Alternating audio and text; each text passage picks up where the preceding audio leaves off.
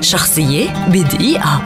مصطفى العقاد مخرج ومنتج سينمائي سوري الأصل أمريكي الجنسية ولد في حلب عام 1930 قبل أن يغادر إلى الولايات المتحدة الأمريكية لملاحقة حلمه ودراسة الإخراج والإنتاج السينمائي في جامعة كاليفورنيا في لوس أنجلوس حيث أقام حتى أواخر مراحل حياته.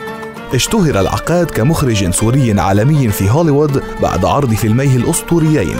الرسالة الذي يتحدث عن نشأة الإسلام من خلال السيرة النبوية الشريفة وأسد الصحراء الذي يتحدث عن عمر المختار. وقام بدور البطولة في كليهما الممثل أنتوني كوين إلى جانب ممثلين عالميين وعرب آخرين. عند إخراجه لفيلم الرسالة استشار العقاد علماء الدين المسلمين لتفادي إظهار مشاهد أو معالجة مواضيع قد تكون مخالفة لتعاليم الدين الإسلامي وقدم الفيلم كجسر تواصل بين الشرق والغرب وخاصة بين العالم الإسلامي والغرب ولإظهار الصورة الحقيقية عن الإسلام. من أعمال العقاد التي لا تنسى أيضا والباقية في ذاكرة السينما العالمية سلسلة أفلام هالوين.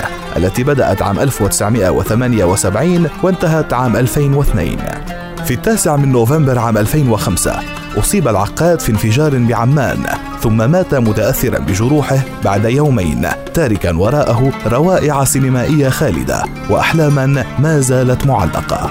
شخصية بدقيقة.